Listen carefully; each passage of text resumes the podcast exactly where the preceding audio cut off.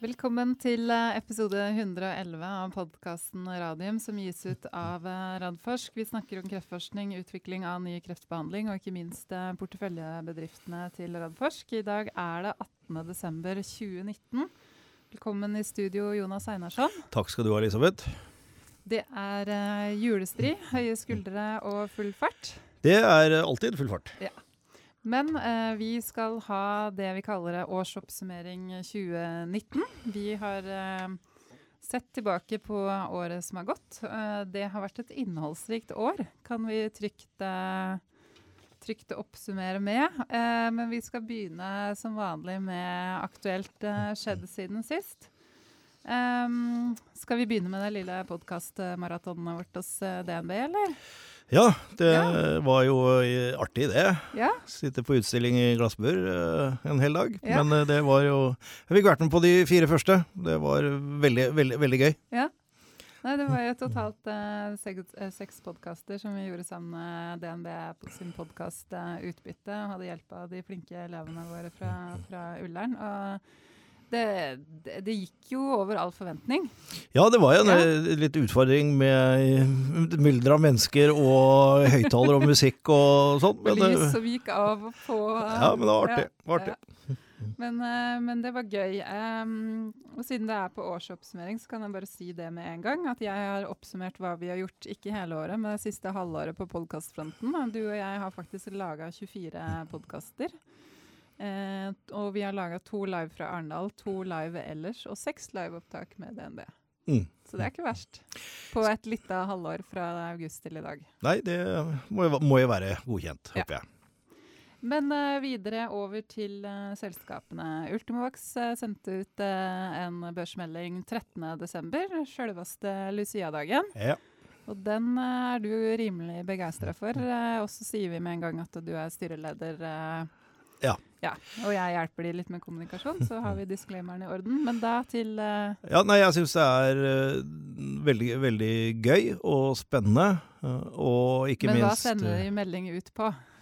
Da sender vi ut en melding at vi faktisk leverer på det vi sa at vi håpet vi skulle levere ved børshåndteringen. At vi skulle jobbe videre vi hentet inn penger til å gjøre vår egen randomiserte uh, fase 2-studie, med at vi ønsket å kjøre én eller flere ja, den type studier i tillegg. Uh, men at vi da skulle ha samarbeidspartnere. Mm. Og det er da kreftvaksinen, UV, universelle kreftvaksinen, ja. Ja. Og da å kombinere den og forhåpentligvis da i, i, enda flere utvidede indikasjoner, altså flere kreftformer. Fra før av så har vi gjort små studier i føflekkreft, prostatakreft og lungekreft. Uh, og nå skal vi gjøre en randomisert studie. Og det vil si at det er 170 pasienter, hvis jeg husker riktig. Jeg syns det sto 118, ja, men du, du, tok papirene mine. ja, det var fordi at jeg glemt, glemte mine egne. Da må jeg stjele dine. Ja. Uh, som er ut. blir randomisert. Uh, det er 118 pasienter i denne, det er helt riktig. Det er denne pluss den vi allerede har uh, satt i gang, og skal, skal, sette i gang nå, som vi kommer opp i 270 pasienter. men poenget med at den er, er randomisert, og i den enarmen så får de denne kombinasjonen av det vi populært da kaller for IPI og NIVO, som er disse to forskjellige sjekkpunkthemmerne. Ja. Eh, som angriper da på to forskjellige steder i, i, immunsykkelen, og legger på vår vaksine UV1. Så den ene armen får disse to uh, sjekkpotemmerne, den andre får de samme, pluss UV1. Og hensikten er jo å vise at da forhåpentligvis at vi får et bedre resultat i de som uh, får vaksinen i, mm. i tillegg. Uh, og, og, det er avlesning av interimdata på det i 2022. Uh, eh, som går da på det vi kaller for PFS, Progression Free Survival. Hvor lang tid tar det før pasienten får et tilbakefall etter en initiell effekt av behandlingen. Mm. Dette er en studie som er det vi kaller for en forskerinitiert studie.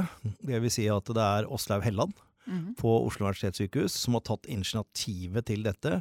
Lungekreftleger og dyktige utprøver innen kliniske studier. Fantastisk dyktig. Og innenfor denne krefttypen, mesoteliom, brysthinnekreft ja, da, Hvis man tenker asbest, så tenker, skjønner man på en måte hva det er. 85% tror jeg det er av de som får mesoteliom, de har vært utsatt for asbest, og det er et, fortsatt et stigende problem. Selv om vi har forbudt uh, asbest for mange, mange år siden, så tar det en 30-40 år fra man blir utsatt for denne til, uh, til man utvikler kreften. Så det kommer til å være et stort problem, i, dessverre, i lang tid fremover. Samtidig som vi ser at det begynner å komme, ikke overraskende, mesoteliom hos mange av de som var, var involvert i redningsarbeidet fra, i, i, i New York 9-11. Mhm. Eh, Så det, det er også dessverre et problem som må løses. Og hittil har ikke checkpoint-hemmerne hatt gode nok data på mesoteliomer. Og vårt håp er jo da at med å legge til, til kreftvaksinen, at vi skal få gode resultater på den. BMS er med og, og betaler for eh, all behandlingen. Det er jo to millioner per pasient hvis man skulle kjøpt denne behandlingen. Det er jo ikke mulig å få til. Så de er med på det og har vært interessert hele veien i å være med og diskutere hvordan dette skal eh, gjøres.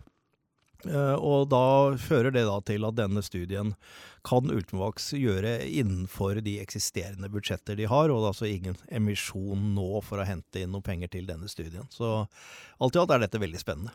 Og så er ikke bare er det en forskerinitiert uh, studie, men det er jo også en studie som bare, ikke bare skal gå i OUS, den skal gå i flere land. Ja, den skal Ja. gå i fem land, Mm. Norden og Australia.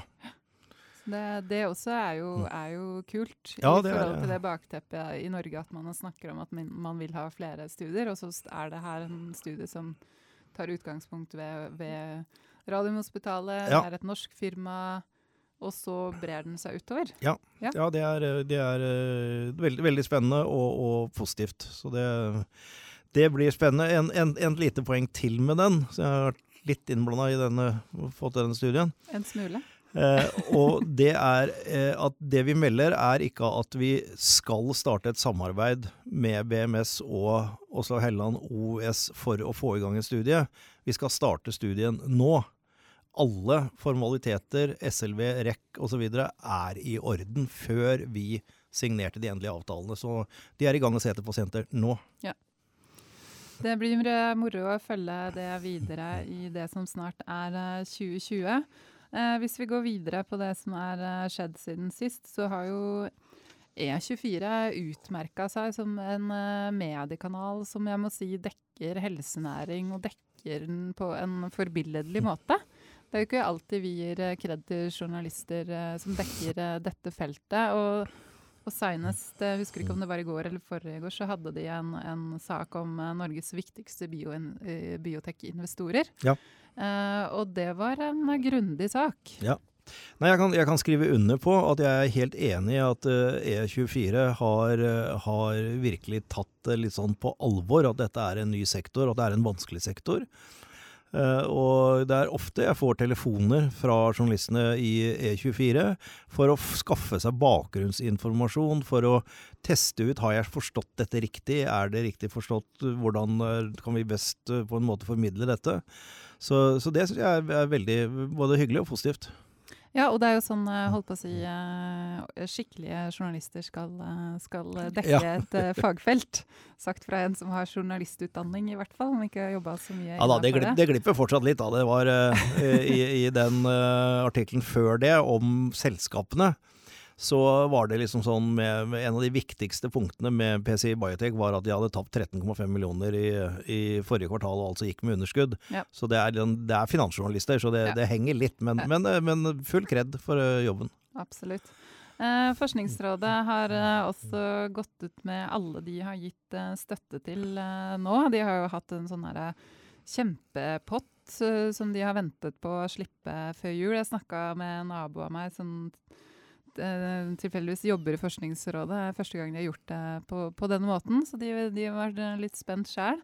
Så det betyr at det har dukket opp noen nyheter om eh, bedrifter og forskningsprosjekter som har fått eh, støtte nå. Eh, og vi kan jo nevne av eh, de vi er mest interessert i, så er det jo Nordic Nanovektor som får 12 millioner kroner eh, til et samarbeid med Sintef. Ja. Og det er vel preklinisk eh, Så vidt jeg har forstått er det prekliniske arbeidet på denne alfa-emitteren Ja. som de skal eh, se om de skal eh, jobbe Eller de skal jobbe videre med den. mm, Eh, så det er ikke betalutin men dette er, som er beta, men dette er en, en alfa-emitter. Uten at jeg har satt meg så mye inn i det nå, men de er i hvert fall i gang med å, å se på det, og det er spennende. Ja, en del av forskningspipelinen deres. Og Vaxibody har fått 13 millioner kroner, og de, det skal de bruke rett og slett til å utvikle en eh, produksjonspipeline for eh, de persontilpassa vaksinene Ja. sine. Vaxibody har på de dataene de har kommet med nå, være, være 28 pasienter uh, ish, som de har uh, i, kommet med resultater på på den nye antigen nå. Og en ting jeg bet meg merke i der, det var at de hadde 100% treff på produksjon. Og det betyr at når de har tatt en prøve fra en pasient, så har de klart å lage en vaksine og få den tilbake til pasienten og behandle den. Det er det slettes ikke alle som jobber innenfor neantigenvaksiner som klarer. Det er nesten sånn litt gullstandard. Eh, Men en av de tingene som er, om ikke ulempen, som er en av de tingene man, hørdelen eh, man må over eh, når man lager den type vaksiner, det er at det tar lang tid og er dyrt å lage hver enkelt vaksine til hver pasient. Og det har de satt seg fore, og mener at med deres teknologi så skal de få ned både kostnadene og tiden det, det tar. Og for eventuelle samarbeidspartnere og Big Pharma og investorer for den saks skyld, så vil jo det være svært gode nyheter. Da, for det, det sier jo at det er større sannsynlighet for at det faktisk kan brukes på flere pasienter enn det vi har sett tidligere, hvor det er veldig få pasienter som får dette fordi det er for dyrt. Mm. Så det er spennende. Det er veldig, veldig spennende. Og jeg husker eh, Agnete Fredriksen på den kapitalmarkedsdagen i november når hun snakket om produksjonstiden, sa at dette er jo Mette Husbyen som klarer å gjennomføre det med sånn 100 eh, Og det er også hun som skal lede det prosjektet her, sånn som jeg skjønner det. Hun også har lang fartstid fra flere av ja, Av selskapene. Algeta og Nordic ja, tror jeg. ja, ja, Ja, Husker ikke helt ja, den her i hodet. I hvert fall så har hun det. Hun, eh, nei, hun er visst litt av en trollkvinne når det gjelder produksjon, har jeg forstått. Ja. Det- De skryter jo uømmet av henne, og det er sikkert riktig. Ja. Du også er på sånne thrillerier. Jeg hadde jo podkast med PCI når du hadde gått det for, på, fra DNV. Og, og det, var, eh, ja, det var mye kaniner kaniner oppå flosshatter og magiske fingre fra Mr. Per Walde. Så er den nye, sjargongen her. Det er vi tryller. Eh, vi kan også nevne i forbindelse med forskningsrådsstøtten, jeg har ikke gått så nøye inn på det, men eh, det, det var et program tidligere som het Forny. Jeg tror kanskje ikke det heter det lenger. Men det er i hvert fall et eh, program som eh, gir støtte til kommersialisering av offentlig finansiert forskning. Og der så jeg en, en god venn av oss i HOD, Nils eh, Olav Refsdal, tvitra at 13 av 25 prosjekter var innen helse av de som hadde fått støtte. Så det, er jo, det, det viser jo at det gror. Ja, og det viser at helsenæringen har potensial. Ja, Definitivt.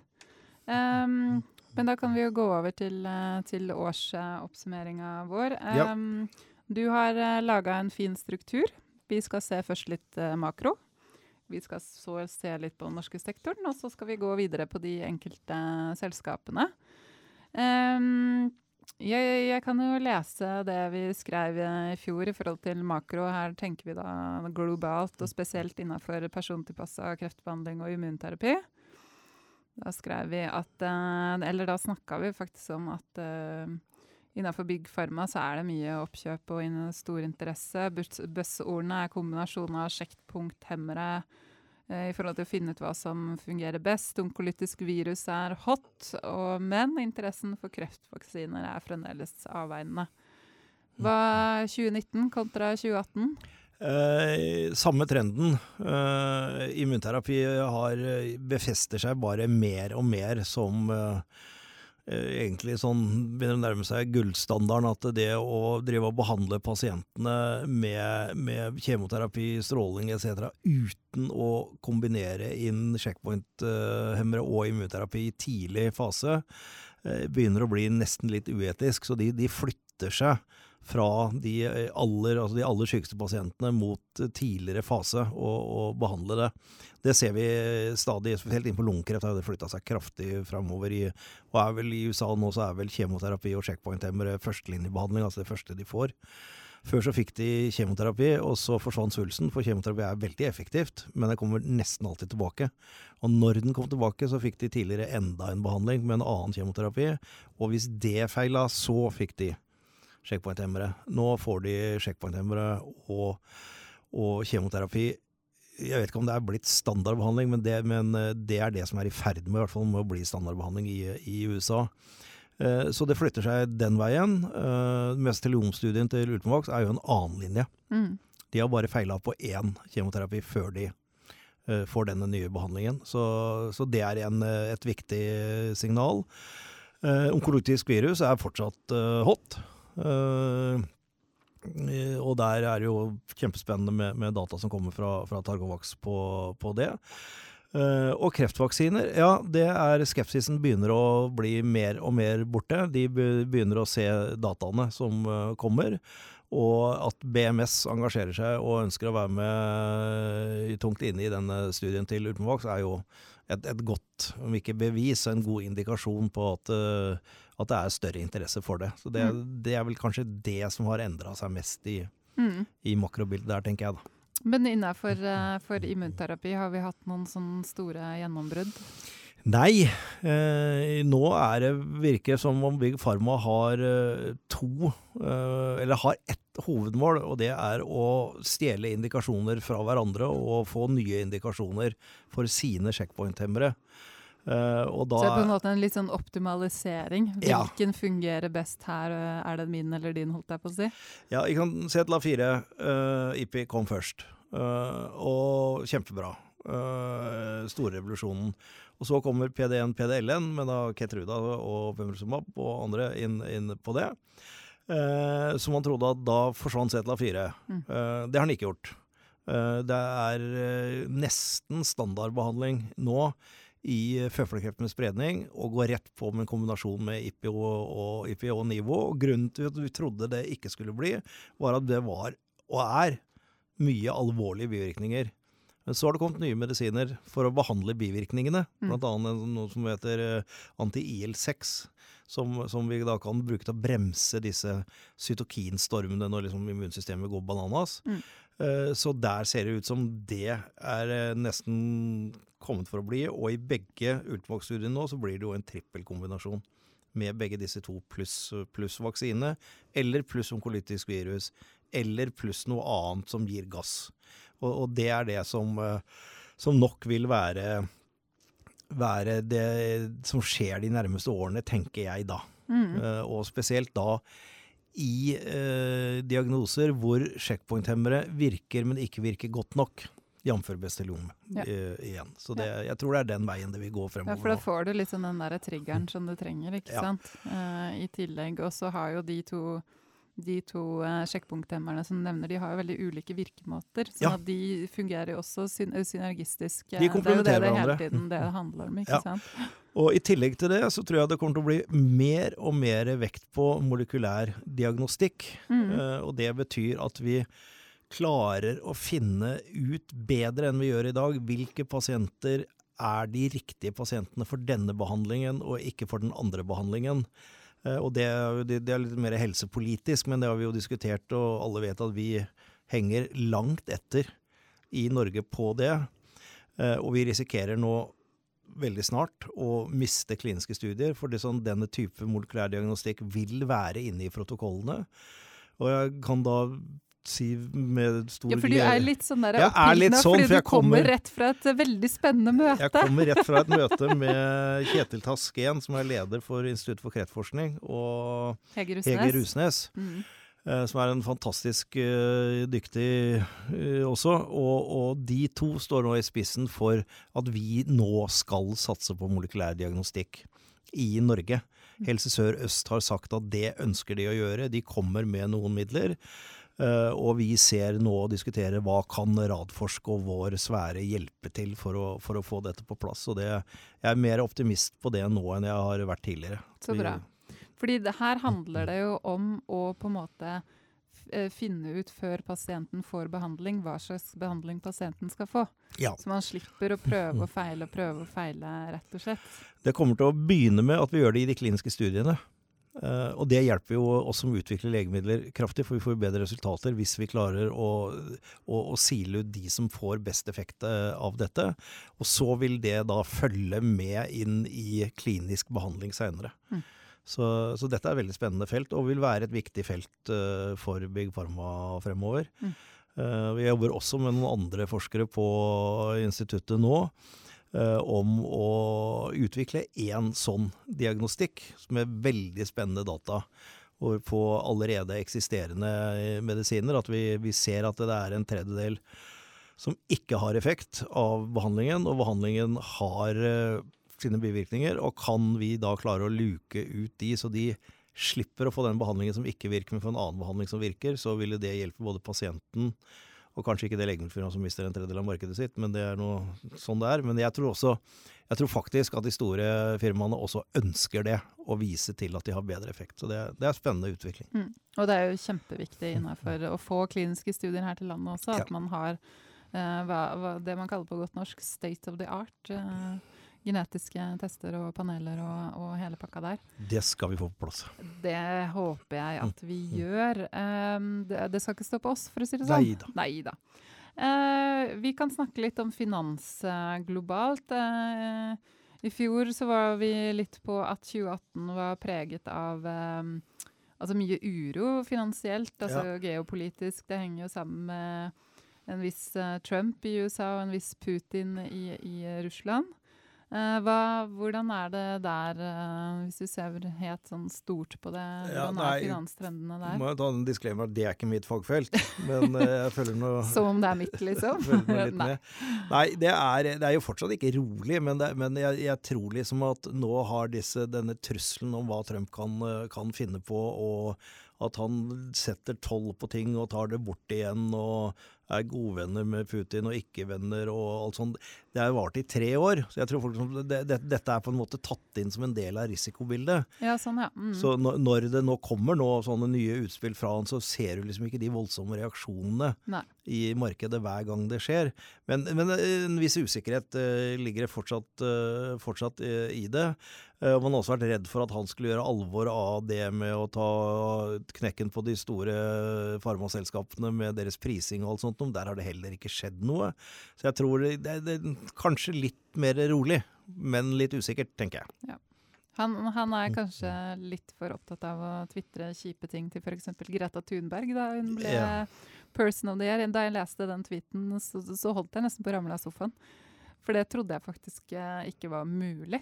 Nei. At noen kan, kan tvitre noe sånt noe. Så de som ikke har lest den, kan gå inn på The Real eh, Donald Trump ja. Eh, på Twitter, og så kan, de, kan dere holdt på å si grine eller le litt, eller en kombinasjon. Ja, det er helt Jeg, jeg så en liten sak på Facebook uh, her om dagen. Uh, det var et bilde da, av Greta Thunberg og Donald Trump, hvor begge to hadde liksom det sinte uttrykket sitt. Mm. Og så sto det denne, denne personen Eh, er umoden, uvitende og må ikke få en plattform. Og den andre personen er Greta Thunberg. Ja, ikke sant. Så jeg var, ja, det var noe annet. Ja. Det var, eh, ja. Nei, men det, sånne ting spiller jo inn på den uh, bransjen her. Eh, hvis vi ser på det nasjonale innafor uh, finans, uh, altså hele tiden med bakteppet på vårt marked, selvfølgelig, så, så, hadde vi i fjor at norske investorer satt på gjerdet, at vi så veldig svingninger i forhold til Nei, uten nyheter. Og at det var veldig mye, mye handel for å tjene kjappe penger. Um, men, altså, men, at man også har en annen, helt annen type investorer som går inn tidlig og avventer kliniske data, og som, som er med uansett om det svinger opp eller ned. Um, der har vi vel sett en forandring i 2019? Ja, helt på tampen. Vi børsnoterte Ultimovax 3.6 i år, og når vi holdt på med dette i mars, april og mai og forberedte, så må jeg innrømme at eh, da hadde jeg mine bange anelser, for det var ikke et lett marked å, å sette en, eh, en, børsnotering i. Eh, vi måtte jo også sette ned prisen relativt kraftig, men det ble jo svært vellykka børsnotering og emisjon. Mm. Og kursen for første gang egentlig, som jeg har vært med på, med å, børsnotere et selskap i denne sektoren, har holdt seg bra.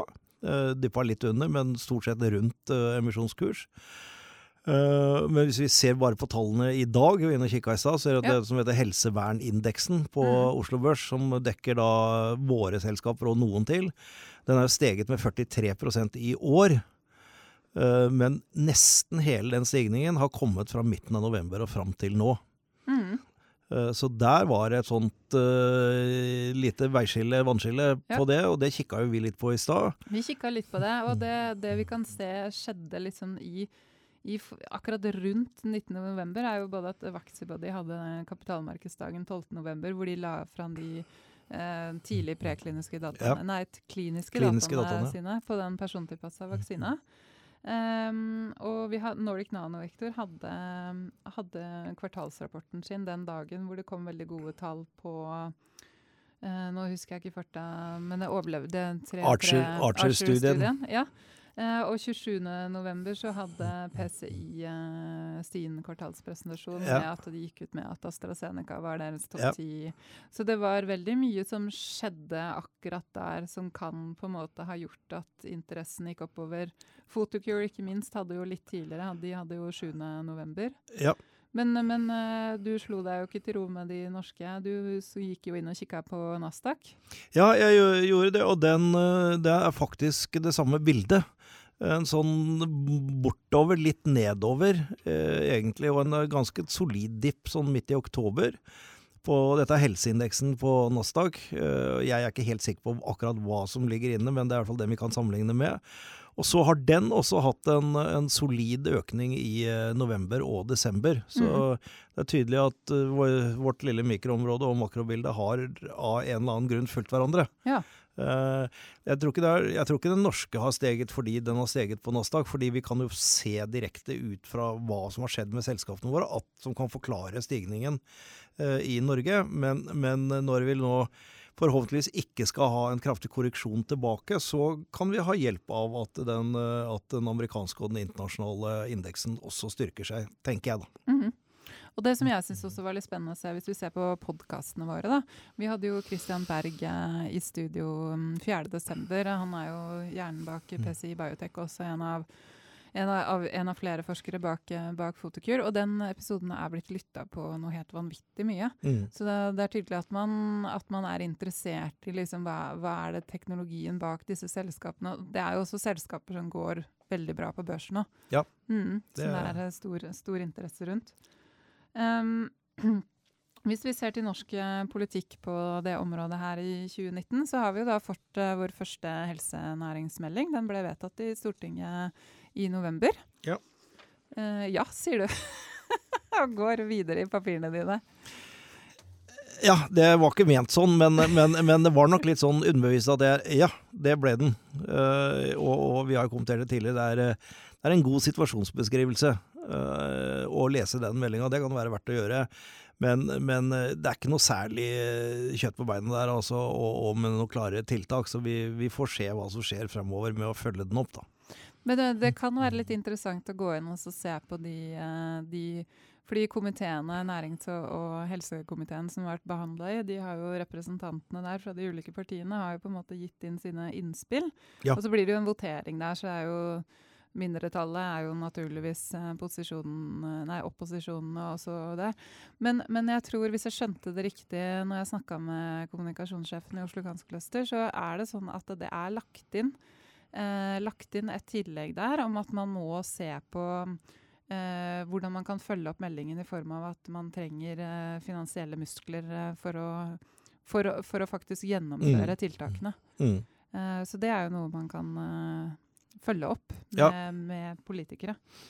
Um, ellers så arbeides det jo også da med en, en handlingsplan for kliniske studier.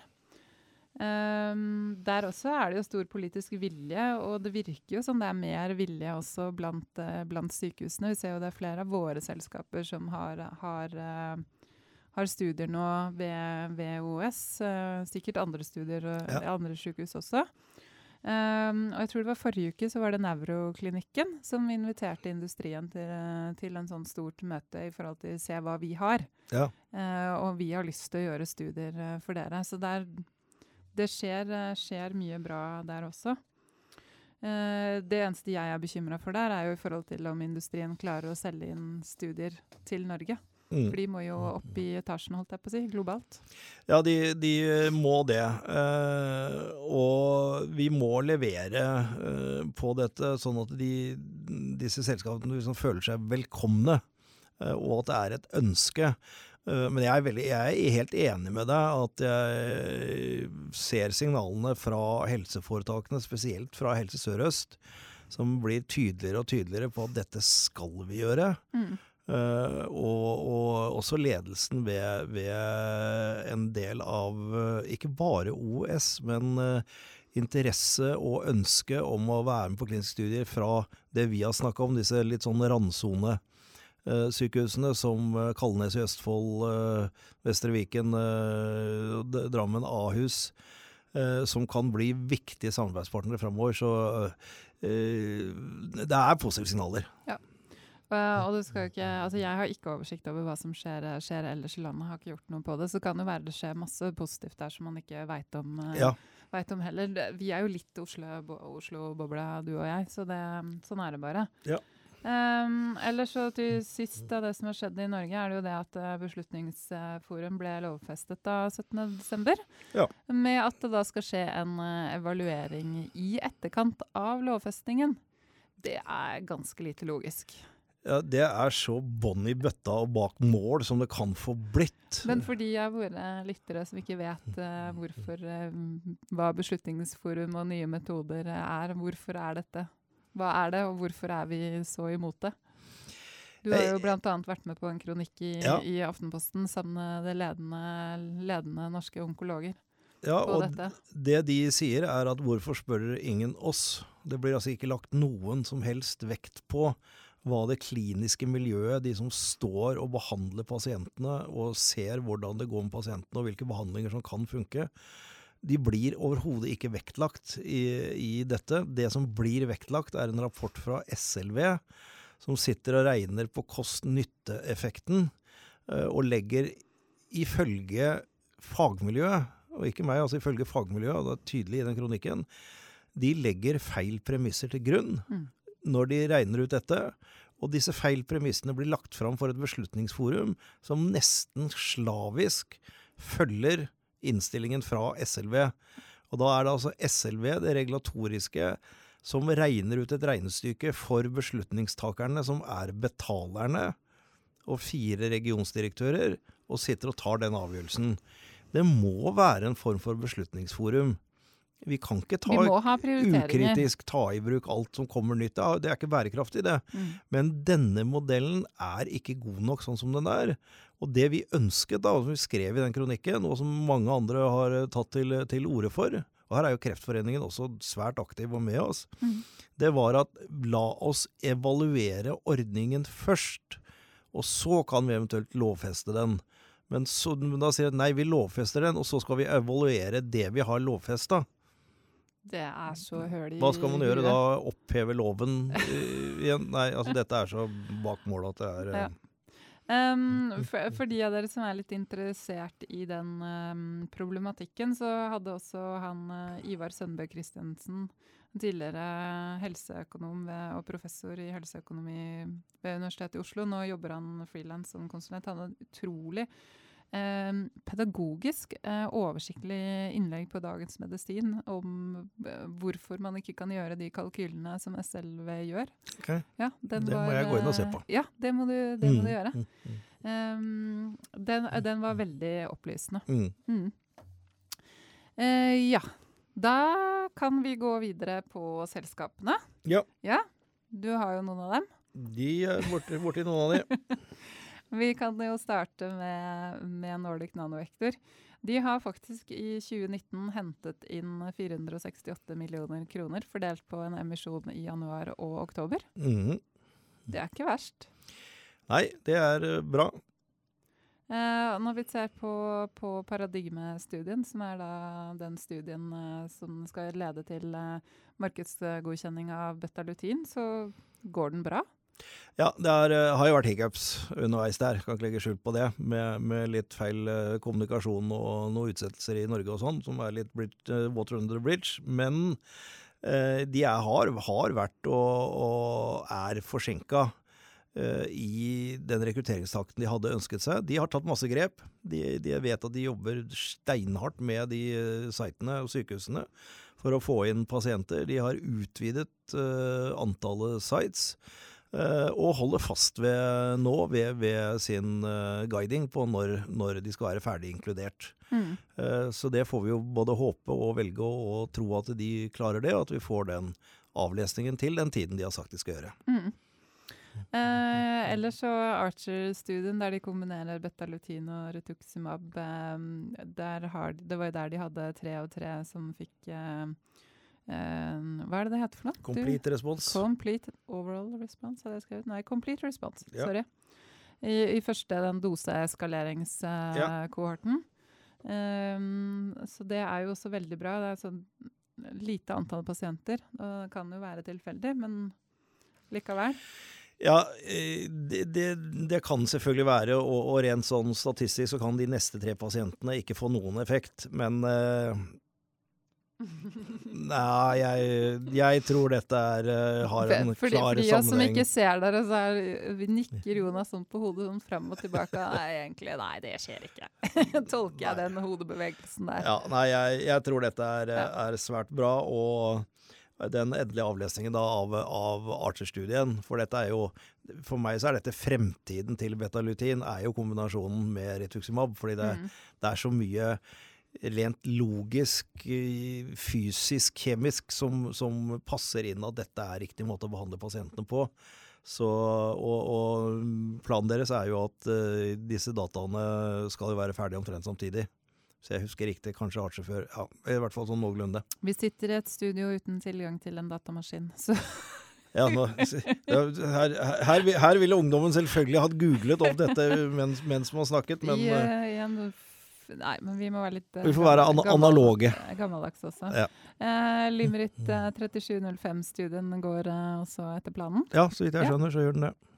Uh, I tillegg så lot jeg merke til, uh, når jeg gikk gjennom kvartalsrapportene deres uh, forrige år, at de har jo ansatt uh, utrolig mange folk i viktige funksjoner. Ja. ja. De har jo Hva kan vi lese ut av det? Nei, de har gjort det, og de har jo en veldig høy burn rate i forhold til andre selskaper. De bruker sjukt mye penger. Eh, sjukt mye penger, kan det se ut som. Eh, det er de, som jeg tolker de, og det de gjør, er at de nå bygger selskapet helt klart til å ta produktet når det blir godkjent, direkte ut på markedet, og er staffa opp for det. Og har gjort denne CMC-en, som, som, han Edvardo kaller for the unsexy part, eh, av, av, å bruke penger. Eh, men det er, dette er jo en komplisert eh, Logistikk? Ja, logistikk. Og ja. både produksjonen, Produksjon, og så å få det fra der hvor du har produsert det, og til pasienten. Shipping Eh, i løpet av x antall dager. Du har halveringstid. Du har i USA spesielt, og andre steder, så har du både disse som driver med, med strålingsmedisin, eh, altså nukleærmedisin, og onkologen, og kanskje hematonkologen i tillegg. Så det er komplisert, men det lar seg gjøre. Det har jo vist at det, det, det har fungert eh, svært bra for, for Algeta og nå Bayer. Eh, med Sofigo som har bana veien der. Men, men de, de, girer opp og satser på at den dagen de dataene kommer, så skal de være så gode at de kan gå rett ut og begynne å, å selge dette. her, og Lykkes de med den taktikken, så kommer det til å gå svært bra. Så det er, det er spenstig, men det, det, det er litt stilig. Mm. Eh, og I tillegg så har de jo fått eh, ny styreleder eh, i år, uh, Jan Egbert. Um, og som jeg skjønner fra deg, så er han også styre, styreleder i Photocure. Han er, eh, har gått inn som styreleder både i Fotokur og Nordic Nanovektor. Og han er en dyktig mann også, skjønner jeg fra deg. Han har eh, levert. Gå og se på CV-en hans. Den er uh, ganske imponerende. Ja. Det er, han har vært igjennom det aller meste. Når det gjelder både å få produkter ut på markedet, men også med kjøp og salg og gjøre dealer med, med, med Big Pharma. Og det, det er vel ikke helt unaturlig å tro at Nordic Nanovektor har noen samtaler med Big Pharma. Vi lar den henge. så går vi videre til, eh, til PC eh, Biotech. De også har hatt et veldig spennende år. Ja. Eh, vi kan jo først begynne med at de satte i gang release-studien. Det er jo deres markedsgodkjenningsstudie. Ja. Eh, den ble jo startet eh, tidlig, tidlig på året, og de meldte at de inkluderte eh, første pasient i mai. De også har jo meldt om at de har litt lavere inklusjonstakt enn forventet, men Ja. de sa vel på Q3-rapporten i november at de ikke var så veldig bekymra, at de regna med å være back on track tilbake til plan eh, i løpet av første halvår. Ja.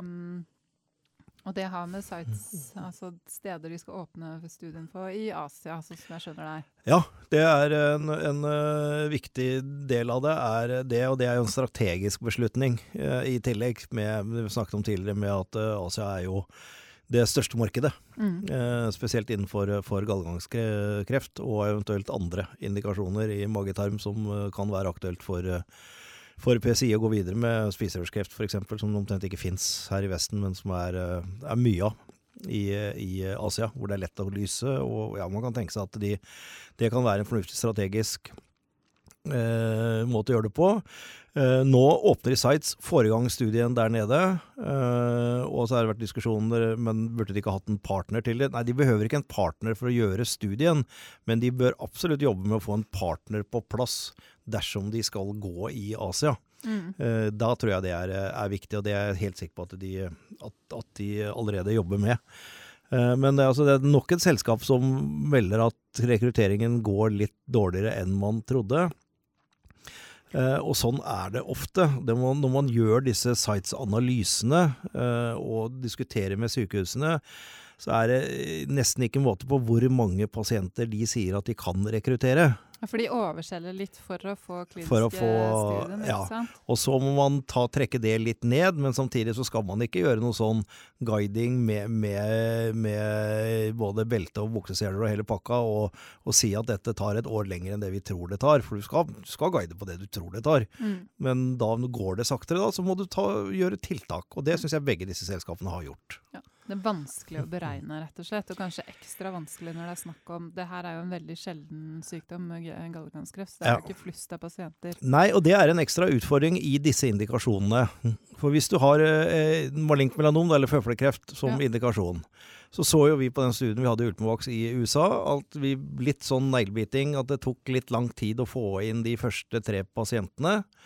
Eh, men når det var gjort, så var det jo sånn at det var de samme sitesene som da rekrutterte flere pasienter. Da satt rutinen. Da visste de hva inklusjon- og eksklusjonskriteriene var. Og, og det å rekruttere pasient nummer tre, fire, fem, seks og syv Da kommer det en, som perle på en snor, liksom. da kommer det plutselig fort. Men det er ikke sånn i disse eh, indikasjonene hvor det er få pasienter.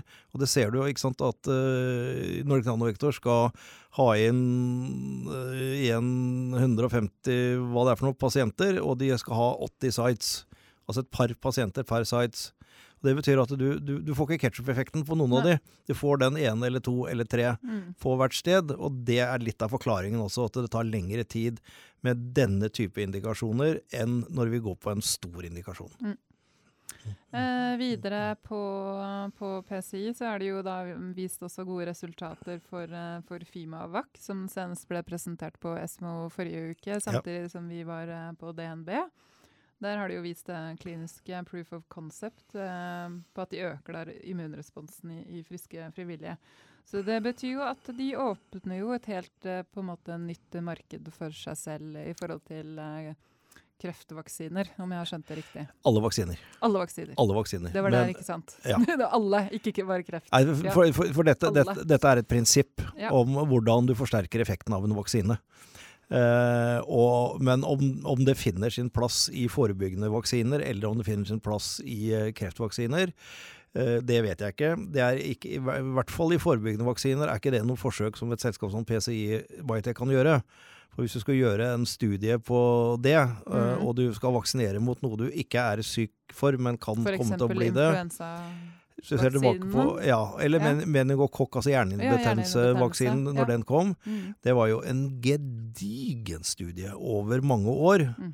Eh, Så her må noen, eh, National Health Institute of Health i USA eller Folkehelseinstituttet her i samarbeid andre må plukke opp dette hvis det skal gå den veien. Skal eh, PCI Biotech gå videre med det, så må de gå på kreftvaksiner. Mm. Og det ymte vel Per frampå. Det kan vel være fristende og mulig at de gjør noe der. Jeg skulle forresten sparke deg på leggen fra han for alle spekulasjonene dine. I og med at ikke du var med siste gang på det, på, i den Jeg har, snakket, har med snakket, han. snakket med Per, jeg, Ja. og fortalt han, og han har jo fått høre også mine, mine litt ville, ville spekulasjoner. Han fikk noen spørsmål fra noen lyttere hvor han eh, Jeg kan sitere Per Valdai. Jaså ja. ja. Dette er jo fordi Jonas har vært ute og spekulert. Nei, Det jeg spurte han om, var glem det med AstraZeneca. Mm. Men Eh, vi kommer til det seinere. Vi har ikke kommet til AstraZeneca ennå. da kommer vi Vi er tilbake til det. fremdeles på Fimavåg. Den er grei. Nei, men Fi- Fimawalk, eh, de har proof of concept. Eh, om de går videre sjøl, vet ikke. Eh, spennende. Eh, kan fort bli noe. Eh, litt usikker på når det, når det kommer. Da kan vi gå på Fima DAC, som Ja. det heter. Eh, Det er jo forkortelser man går i, i eh, ball på det her. Hvor de da avslørte at uh, topp ti-firma som de har um, samarbeidet med, AstraZeneca. Og Ja. det, det ble jo godt mottatt, for å si det sånn. Og så skal, hvis jeg har skjønt det riktig, videre samarbeid skal evalueres i første halvår 2020. Og da kan det være snakk om andre sykdomsområder enn kreft. Ja, det er det det er. Ja. Og det Eh, var vel der du spekulerte høyt om, om diabetes. det var det jeg gjorde, Ja. og da hvor, hvor Per sa nå må vi sparke Jonas på leggen. Ja, det, må, det har han for så vidt gjort, men eh, på en hyggelig måte. Nei, men Det jeg sa til Per, var at eh, men det er greit at ikke det Du kan selvfølgelig ikke kommentere noe om AstraZeneca, men, men kan du liksom bekrefte om det har vært noen interesse for å se på den muligheten som jeg spekulerte i? Og det kunne han bekrefte, at det var både forskere og andre som syntes det var en, en spennende innfallsvinkel. Mm. Eh, selv om det ikke og, og når jeg sier det med AstraZeneca, så er det ikke, ikke sikkert at det er det, er det men, men, det, men den måten å tenke på, at det er et sted i kroppen hvor man kan lyse og man har behov for å lage en liten fabrikk. Og det kan jo være andre steder. Hva med binyrebarken og kortisonproduksjon, hva vet jeg. Men, men at, at, det er, eh, at det er stor interesse for å behandle denne type sykdommer med å få inn nakent DNA istedenfor virusinfisert, som man jo kan gjøre. Mm. Men, men det, er, det har jo ikke noe vedvarende effekt. Det, du ødelegger jo cellene med dette viruset også, så de produserer en stund, og så gjør de det ikke lenger. Så at det er interesse for det, og den store hølen har vært at man ikke klarer å levere nakent DNA inn i cellene uten at det er skada. Og at man sier at det, hvis man får til det, så har det en stor fremtid. Den spekulasjonen holder jeg fast ved. Altså det, det, det er jo din, eh, din eh, Hva heter det for noe? Jeg klarer ikke å komme på din, eh, ditt privilegium. At du kan spekulere akkurat som du vil. Ja, jeg Ja. tok denne flotte teorien min opp med mitt styre i Radforsk. Der er jeg så uheldig at jeg har svært dyktige fagfolk, bl.a. Inger Sandli og Erlend Smeland. Og Bent Lille Romøren, som tidligere har vært leder for Novo Nordisk. Og den falt ikke i særlig god jord, må jeg innrømme. Fikk du kjeft? Nei, jeg fikk ikke kjeft, Nei. men de mente Fikk noen strenge blikk? jeg fikk litt strenge blikk, og Ja. de mente at disse alfacellene mine som jeg skulle omprogrammere eh, de ville, Hvis alle alfacellene ble omprogrammert, så ble det jo ikke produsert noe glukagon. Og hvis du bare produserer insulin og ikke glukagon, så er det jo egentlig i samme fella som når du ikke bare produserer glukagon og ikke insulin. Men jeg mener nå fortsatt at det er mulig å kombinere dette, og fikk protokollført at det var en naiv allmennlege fra Island som hadde sagt dette i desember 2019. Så får tiden vise å dømme. Absolutt. Jeg, jeg falt av eh, langt eh, før du kom med den forklaringen. Så det, men at du har et, et særs kompetent medisinstyre, det, det, Det jeg. skriver jeg under på. Um, vi går videre til uh, Targovax. Uh, vi kan jo holdt på å si begynne med de i, i våre øyne dårlige nyhetene. Ikke det at vi skal dvele så veldig mye mer på det, men altså 2019 er jo det året hvor de parkerte TG-plattformen, altså utviklingen av, av behandling av um, bukspyttkjertelkreft. Ja. Basert på liksom det opprinnelige Targovax, da, sånn som du, du og jeg ser det med, med RAS-vaksine ut, uh, uh, utgått fra Gustav Gelnerak sin, sin forskning. Ja, da, og så de, er de jo helt tydelige på at det er et strategisk valg. ja og det, det, det tror jeg de på. Ja. Uh, og jeg skjønner det. Ja. I- Altså, jeg, selv om jeg bare har førsteavdeling fra BI, så klarer jeg å lese et, eh, en, T-konto, og, og den sier at de, de, de klarte ikke å, å satse videre der. Uh, og, og parkert og parkert. Jeg, jeg tror de også på at når de sier at de fortsatt er eh, veldig interessert i og snakker med mange om mulige akademisk eller annen type samarbeid, at noen vil plukke opp uh, TG-vaksinen og, og gå videre med den. Og det både håper jeg og tror at kan bli aktuelt, men det blir ikke aktuelt for de å gjøre det nå. Nå, nå satser de på Onkos. Jeg tenkte mer sånn langtidsparkering, ikke kondemnering, liksom. Nei, det er Så mer- derav, mer- derav ordet parkert Mer langtidsparkering, satt på vent. men, men kan hentes. Ja. kan hentes. Ja. Eh, men i forhold til da den, eh, det de går videre på, altså den andre delen av selskapet, onkolytiske virus, der eh, gjør de jo det bra med både da kombinasjon av sjekkpunkthemmer, som de gjør i, i melanom, Mhm. og, og med kjemoterapi, som de gjør i mesoteliom. Ja. Så ikke gå langt inn i noen kliniske data. Nei, men det virker eh, som om rekrutteringen i begge disse studiene faktisk ikke Jeg husker ikke hvem de var. Det var, det Mesteliom hvor de plutselig meldte at de hadde rekruttert raskere enn det de trodde. Det er jo Mhm. ikke så ofte vi ser det. Da er det jo en interesse der ute. Det er spennende. Eh, Det er data fra de, fra de to, som du sier. Eh, Så jeg husker riktig, så er det lovet melanomdataene i januar. Ja. Og det er de trygge på, fordi studien er ferdig. Sånn at det er databehandling som foregår. Ja. Uh, Mesteliom er vel guida første halvår. Jeg tror ikke det er noe nærmere enn uh, en det. Uh, det blir kjempespennende. Uh, veldig spennende dataer. Og, og nå går jeg inn og ser på de første tre pasientene med den lavdoseringen av Onkos som de, de kom med eh, Klarer de å vise noe tilsvarende eh, med en mye mer aggressiv eh, dosering i, i eh, de, studier, de mm, dataene som skal legges fram i januar, så kan det bli svært spennende. Så det blir eh, det, det, det, det venter jeg på i spenning, å se på de dataene. Og, og vi snakka med Øystein Sauge på, på DNB. Uh, og så vidt jeg husker da, så sa han at uh, de skal i gang med en veldig spennende studie, hvor de antakeligvis er de første som skal kombinere onkolytiske virus med Og så husker jeg ikke, jeg har ikke hatt tid til å høre det opptaket igjen, men i hvert fall kombinasjonen av to ting til. Jeg Så- tror, det, tror det var kjemo, checkpoint og onkolytisk virus. virus, ja. Men øh, der, der, der kan man jo bare gå tilbake til å lytte til den glimrende episoden som en jeg gang til. ikke, ikke rakk før Ja. jeg gikk inn i, inn i studio her. Og det er jo kult hvis de da er, eh, er de første som gjør Ja. det der. For det, er jo helt tydelig at innenfor onkolytiske virus så er de en av de fremste, eller ligger langt framme i, i verden. Ja, med, med, altså de, de har jo en svært solid database på mange pasienter dette har vært testet ut på. Uh, Mm. Så Nei, det blir spennende å se. Eh, I tillegg så har de jo henta inn 74 millioner kroner i en emisjon i år. Ja. Da, etter det, da fikk du og jeg kjeft. Men det trenger vi ikke. Vi trenger ikke være så eh, vi trenger ikke være sånn eh, navlebeskuende at vi går inn på det, men det var vel noen som misforsto litt hva vi visste og ikke visste. Vi vet jo ingenting så lenge vi ikke er insidere i selskapene eller sitter jeg styrene. jeg har Der fått litt- vi virkelig ingenting. fått litt spørsmål om det også. eh, Fordi jeg er så tett innpå disse selskapene, og, og spesielt da selvfølgelig de selskapene vi har her eh, i eh, Innovasjonsparken.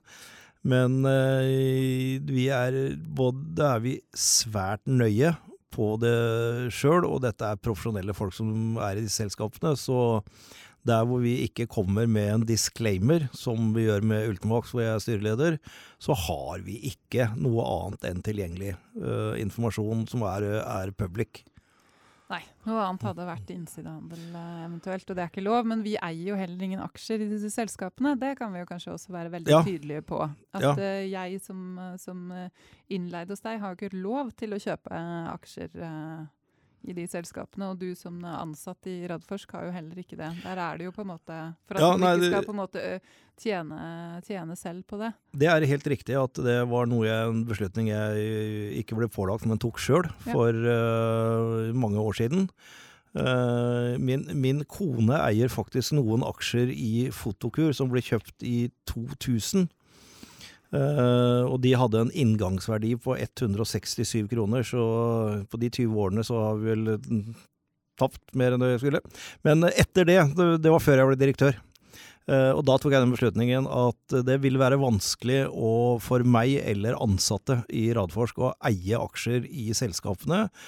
Uh, fordi da ville det fort bli spekulasjoner om hvorfor kjøpte han noe der, og skulle jeg brukt mine egne sparepenger, så kunne jeg jo komme til en situasjon der jeg måtte selge noe, og da vil det bli spekulasjoner eh, rundt. Så igjen, min kone er ikke like fornøyd med at jeg ikke har aksjer i selskapene som stiger så mye verdi, men eh, det, det, er det riktige for selskapene og for Radforsk, så sånn gjør vi det. Ja. Nei, men eh, Habilitet er jo kjempeviktig, og ikke minst tillit. Ja. ja. Så dette er jo tillitsbyggende. Men, men tilbake til, til Targovax. De er jo et av de selskapene som ikke øker like mye på, på børsen. Mm. Har du noen formening om om hvorfor? Hvorfor ikke? Eh, de kom inn i en negativ spiral når de ble tvunget, eller tok valget om å legge ned den ene av, av to plattformer. Eh, og etter det så er det ikke mye data som har eh, kommet. Eh, det har jo ikke for så vidt gått så mye verre med de enn de andre på nedturen, men de har ikke fått blitt med på oppturen i så stor grad. Men, men for all del, de har også hatt en opptur nå i det siste, selv om det ikke har vært så, så mye. Jeg tror eh, de er avhengig av å levere noen gode data, men ja. Eh, da er det alle muligheter til at dette kan bli svært så hyggelig. Mm. Hvis jeg husker riktig fra, fra siste kvartalspresentasjon, så de, har de en ganske voldsom nyhets... Uh, jeg klarer ikke å snakke norsk-engelsk i dag. Newsflow. det kommer mange nyheter fra mye, de mye, mye spennende data fra de fremover nå. Det gjør det. Eh, da kan vi gå videre på, på Photocure. Eh, vi, altså Dan Schneider, som er nå, nå, leder, han har jo da vært eh, leder i litt over et år. Hva, hva syns du om han? Jeg har veldig sansen for den.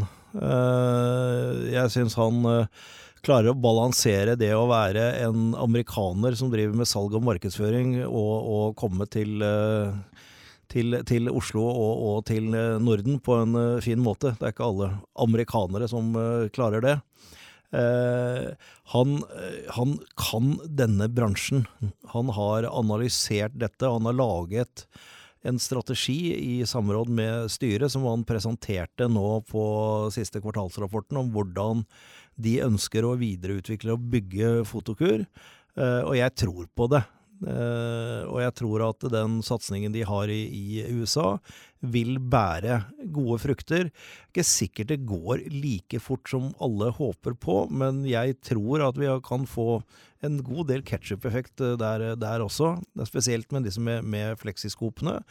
Uh, så jeg er spent på hva han klarer å få til i, i Norden, som jeg syns hadde forventa en litt bedre utvikling. For Danmark er jo veldig bra, men i de andre nordiske landene så hadde jeg vel håpa at de hadde fått litt mer fart på det.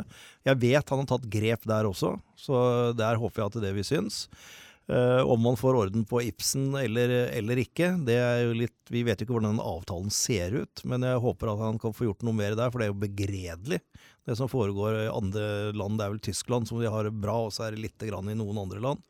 Men, men, det er for dårlig, eh, så der er en del å gjøre. Og så skal han ha kjempekred for at han leverte eh, Sevira-avtalen. Mm. Den kom som lyn fra klar himmel. Ja, det gjorde den. Det var jo da avtalen med kinesiske selskapet Asieris, som da har lisensiert inn Sevira. Ja. For å utvikle det videre. Og en ganske sånn grei avtale på både milestones og royalties ja. og, og sånn der.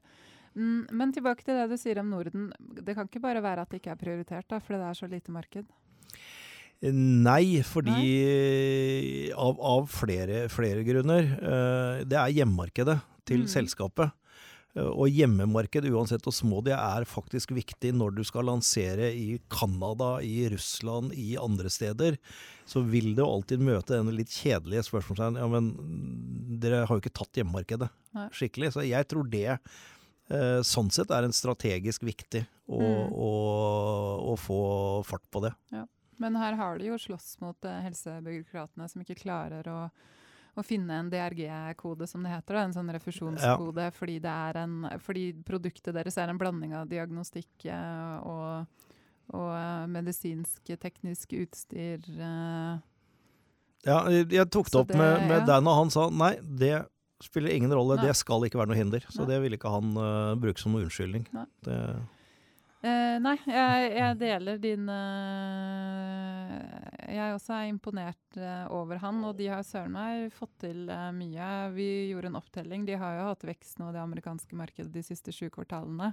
Ja. han har jo ikke vært sjef hele veien der, så det er klart at, men, men, jeg har også snakket med folk internt i, i Photocure som sier at nå er det fart. Nå, nå skjer det ting.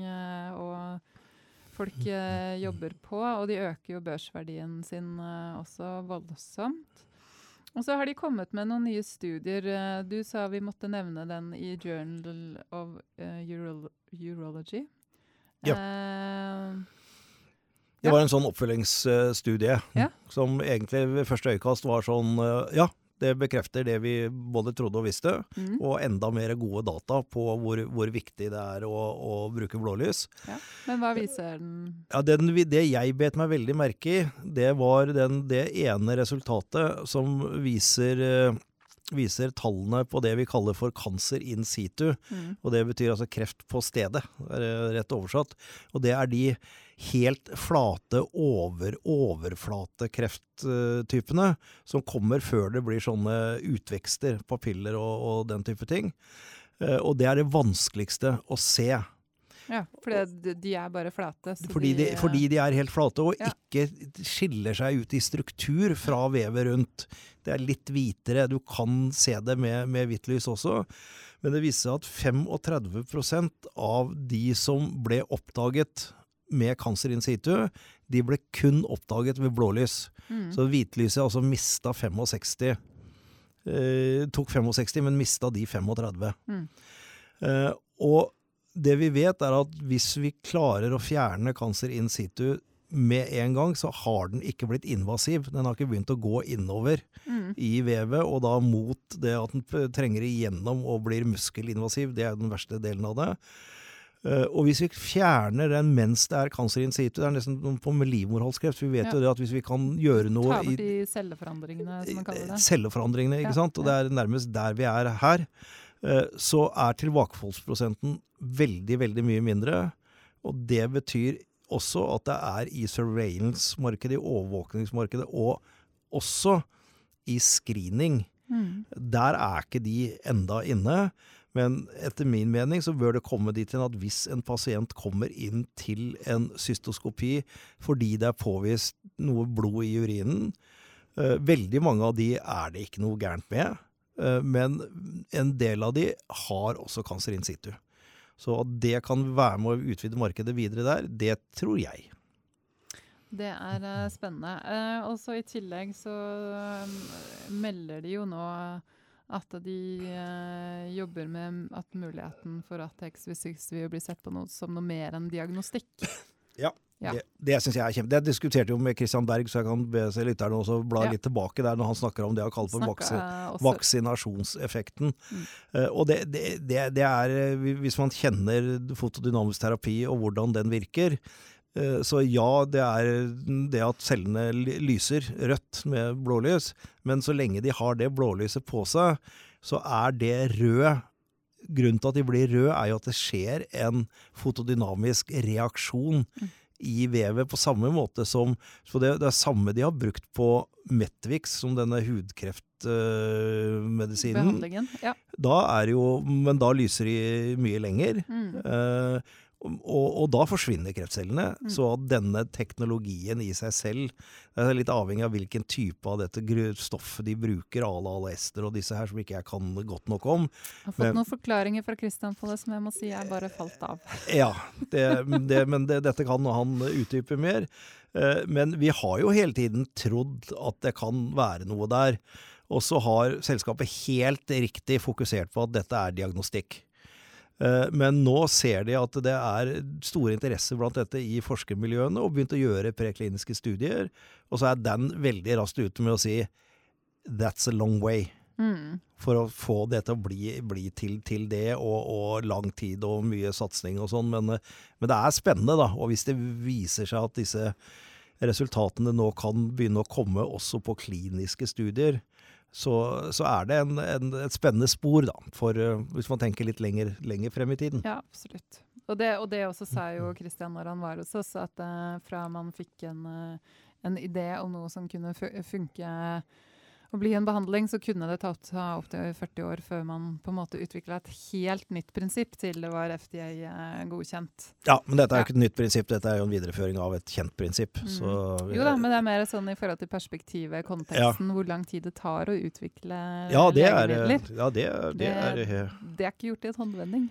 Nei, altså det vet ikke når han begynte å jobbe med PCI og PDT-teknologi. Syns at han hadde men, eh, jobbet eh, 35 år Ja, det. det, så vi starta Fotokur i 97, Mm. og det vil si at det kliniske resultatet begynte å komme rundt de tider, og da har de drevet med preklinikk Så de har nok holdt på fra 80-90-tallet med mm. det, før det nå er der ute. Eh, vi må gå videre. Dette her tror jeg blir verdens lengste episode, som du og jeg lager i hvert fall. Ja. Eh, vi, men da er vi ferdig med de børsnoterte selskapene i hvert fall. Men vi har jo noen ikke-børsnoterte selskaper som er eh, spennende også. Ja, vi må jo begynne kanskje med det mest spennende i form av eh, eh, modenhet. Eh, Vaxibody. Eh, de ble jo da slått opp på forsida av, av Finansavisen. Og øh, der priset til en verdi av 4,9 milliarder. Og det høyest priste biotekselskapet i, i, i Norge. Det er basert på grovmarkedsomsetning, men det har vært stor omsetning. Så man, så kan, jeg syns man kan si at det er en verdisetting, ja. Og du og jeg som var på kapitalmarkedsdagen deres i, i november, så jo at det var enorm interesse Det fra er bare mye, investorer mye, mye dresser og blå slips. Eh, Og, ja, på sånn hår som lå litt sånn til den ene siden. Det var, jeg tror det var jeg og Susanne Steffers som var kvinner og som var blonde der, for å si det sånn kort oppsummert. Eh, men Vaxibody har hatt et uh, fint år. De har jo fått i stand eh, samarbeidet med Roche Ja. på HPV-studien. Det har kommet i år. Og så har de jo da for første gang vist data fra, kliniske data fra persontilpassede vaksinen. Ja. Veldig spennende data. Absolutt. Eh, og det store spørsmålet da er jo børsnotering. Ja. Det vil vi jo overhodet ikke få noe svar på. Og hvis vi spør eh, Michael Enzig, eh, nye CEO-en her, så sier han at eh, vi kan komme til å inngå en partneravtale, eller vi kan komme til å gjøre en mindre emisjon, eller en større emisjon, eller vi kan gjøre en børsnotering. Alle Mer- muligheter er åpne. Mer svar får du ikke. Ja. Men eh, nå spør vi ikke Mikael, og vi spør ikke Agnete som var med på DNB-podkasten heller, for hun også var sånn Ja, men nå må vi inn og tenke og inn i boksen, og dette er strategisk. Men uh, hva med du? Nei, jeg, jeg vet ikke, for å være helt ærlig. Jeg syns det er uh, å egentlig spekulere håpløst å spekulere på, fordi eh, vi aner ikke hva med Roche. Er Roche interessert i noe mer? Har de noe samarbeids... eh, eller, eller noen tanker om noen type partneravtale? Uh, Neoantigenplattformen. Vi vet jo at det er selskaper der ute som er svært interessert i neantigener. Er de i samtale med selskapet eller ikke? Det, det vet vi bare ikke. Så her må vi bare vente og se. Men eh, jeg tror vi kan slå fast at 2020 blir et spennende år å følge Vaxterbody på Ja. det kliniske også. For det, det de gjør nå, er at de skal åpne veldig mange flere steder å kjøre studien sin på. eh, først og fremst i Tyskland, men også i USA, fordi USA er et så viktig marked. Ja. Um, ja. Det blir veldig- veldig spennende. eh, Det kommer til å være mange, mange data å følge med på. Um, vi må kjapt innom et, et uh, selskap som vi ikke snakker så mye om, og heller aldri har hatt noen representanter fra i studio. Det er Nextera. Um, og jeg lovte å ikke spørre deg hva de gjør for noe. Uh, og du må heller ikke spørre meg, for jeg rakk ikke å google det. Men de, de har jo en plattformteknologi Uh, og jeg vet at Geir Åge Løseth, som er da sjef i selskapet, han og Agnete Fredriksen, som er forskningssjef i, i Vaxibody, de har jo tatt doktorgradene sine parallelt ja. hos uh, Bjarne Bogen og, ja. og, og Sandli. Så dette, dette, er innenfor immunterapi, immunterapi, men teknologi som kan brukes både på autoimmune sykdommer og på kreftsykdommer. Det heter Phage Display, for den som har lyst til å ja, Du har googlet? Google. nei, jeg har faktisk ikke det. Det er det eneste jeg vet. Oh, ja. og hver gang jeg, Vi kan gjerne ha Geir Åge i studio en gang. fordi at hver, hver, gang jeg har snakket med Geir Åge og han har forklart meg teknologien, så sier jeg 'Å ja, det er sånn det fungerer'. Og så spør meg noen meg en halvtime etterpå hva han sa, og sier at det har jeg glemt. Det skjønner jeg ikke. Er... Han, han, har jo en stående invitasjon. Det har jo ja. alle, alle, selskapene våre. Og jeg, og jeg, minner han på det hver gang jeg ser han. Men uh, vi, jeg vet at de har fantastisk spennende data, og at denne plattformen absolutt uh, skal finne sin plass. Så, så det, ble, det, er et uh, selskap det er vel verdt å følge med på. Ja. Eh, og de får jo inn en, en ansatt nå som er en, en gammel ringrev og kjenning i bransjen som heter Ole Henrik Brekke. Han skal jo inn som BD. Da går jeg ut fra at de har noen data som de har tenkt å snakke med Big Pharma om. Det er ja. det man har en BD til. Ja. Så det er jo et lite signal om at de er, eh, ja. føler seg modne nå til å begynne å, snakke med Big Pharma om uh, diverse lisensieringer. Litt sånn fun fact, han var jo leder i Vaxibody i mange år. Ja da. Han er uh, gammel traver. Veldig, veldig hyggelig og flink fyr. Absolutt. Um, vi har noen flere selskaper. Uh, vi må snakke om uh, Onkoinvent. Det tredje selskapet dag til uh, Roy Larsen og Øyvind Bruland etter Algeta og, og Nordic uh, Nanovektor. Um, hva har skjedd der i uh, ja, der, 2019? Der er jeg styremedlem, men ja. det er ikke så farlig, for jeg er ikke børsnotert. Men, men, bare så det er sagt. Eh, det var noen eh, overraskende musedata på noen formuleringen av radsferin. Det har ingenting med radsferin som produkt å gjøre. Eh, dette er en mikro molekylet og koblingen til isotop er nøyaktig det samme eh, nå som det var da, men det er hvordan du pakketterer det sånn at det distribueres på optimal måte i bukhulen hvor dette skal settes inn. Uh, som vi fikk noen overraskende musedata på, uh, som viste seg at det sannsynligvis er den musemodellen som er problemet, og ikke det vi hadde. Men dette førte til at vi optimaliserte Roy Larsen ble satt på saken. Og da ble optimaliserte dette ende, endeproduktet enda bedre enn, enn det var. Eh, de sier nå at de føler seg helt trygge på at nå har de funnet den rette formuleringen. Er i full gang med å gjøre de aller siste forberedelser til å starte de kliniske studiene. Og de skal starte tidlig på, forhåpentligvis, på nyåret nå. Mm. Uh, og da blir det to studier, og ikke én, som var uh, i utgangspunktet tenkt. Det var Begge deler går på karsinomatose, spredning til bukhulen. Uh, men ikke bare fra ovariekreft, som vi tenkte å begynne med, men også fra kolorektal, som jo også er et, et stort og spennende marked. Så, så, da blir det dataene fra de studiene som blir veldig spennende å se. Mm. Det, det, blir det absolutt. Det blir Og så har de i tillegg, merka jeg meg, de ansatte en, en ny CFO, Tore Kvam. Uh, og de også har jo hentet inn en altså offentlig støtte. Dette her tror jeg vi har snakket om, om ja. Jan tidligere. Så, ja. Ja. Nei, men de er, de er virkelig back, er at de er. Virkelig back on track og, og er klar til å starte de kliniske studiene, som alltid er en sånn morsom milepæl for disse selskapene. First in man er jo kjempespennende. Nå holdt på å si når det går fra, fra Først har vært gjennom cellelinjer, og så forsøksdyr, og så virkelig skal prøve de mennesker. Mennesker er jo ikke muts. De er ikke det, Nei. så vi får se. Men det spennende er det. Ja. Eh, vi har et par selskaper eh, igjen. Vi må snakke litt om eh, Seluna. Uh, de kom jo ut i jeg tror det var november med at de hadde gjort en partnership-avtale. Ja. ja. Den har vi snakka om tidligere, så vi trenger ikke gå så veldig mye mer inn på den. Men det var vel noen kombinasjon av TCR og sånne NK-celler, altså naturlige drepceller, hvis ikke jeg husker helt feil? Nei, det er, det er, det er helt riktig. Og det NK-sporet er uh, å, å, koble TCR-teknologien inn på, på, sånne natural killer cells, uh, er uh, veldig spennende. Og kan kanskje, hvis de får det til, vise seg at vi kan få en sånn off the shelf vaksine på, produkt på, det, på, dette, sånn at vi ikke behøver å lage den for hver pasient. Uh, det kan de få lov til å komme og, og forklare mer, mer, om selv, selve teknologien, men, uh, men det er spennende.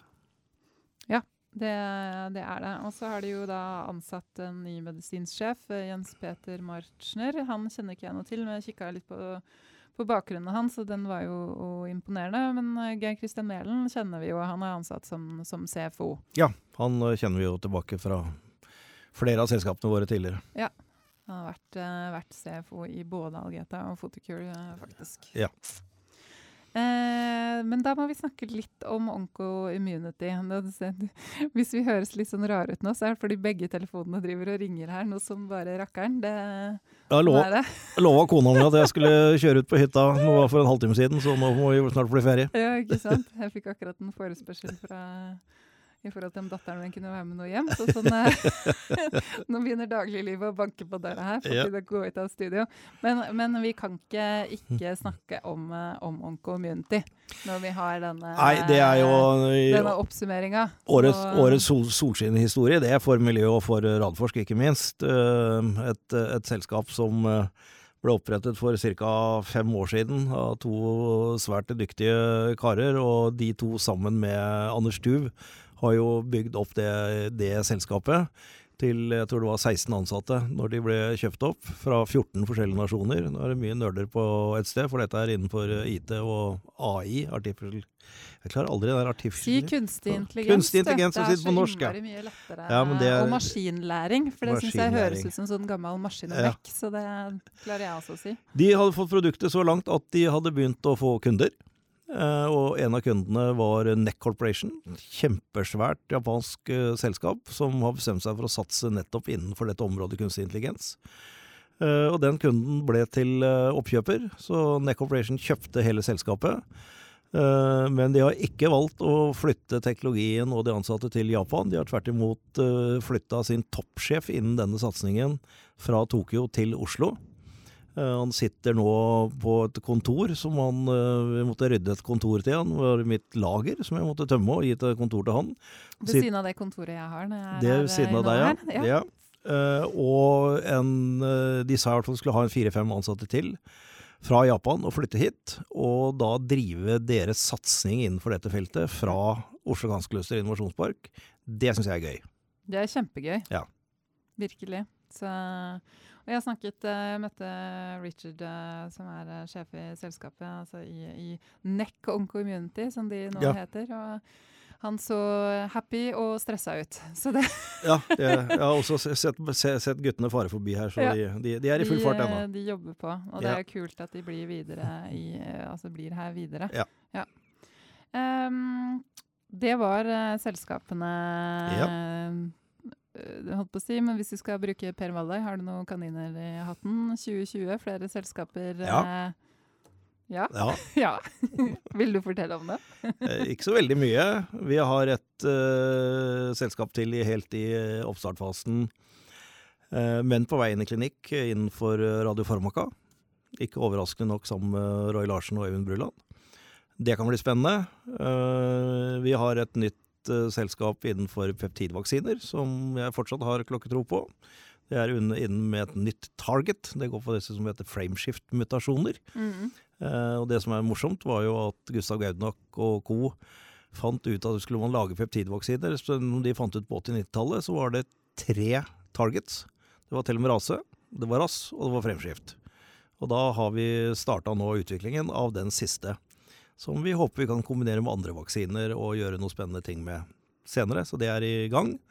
Uh, og så har vi et par prosjekter til som ikke er riktig blitt selskaper ennå, men som nok blir det. Så vi, vi har nok å pusle med inn i 2020 òg. Mm.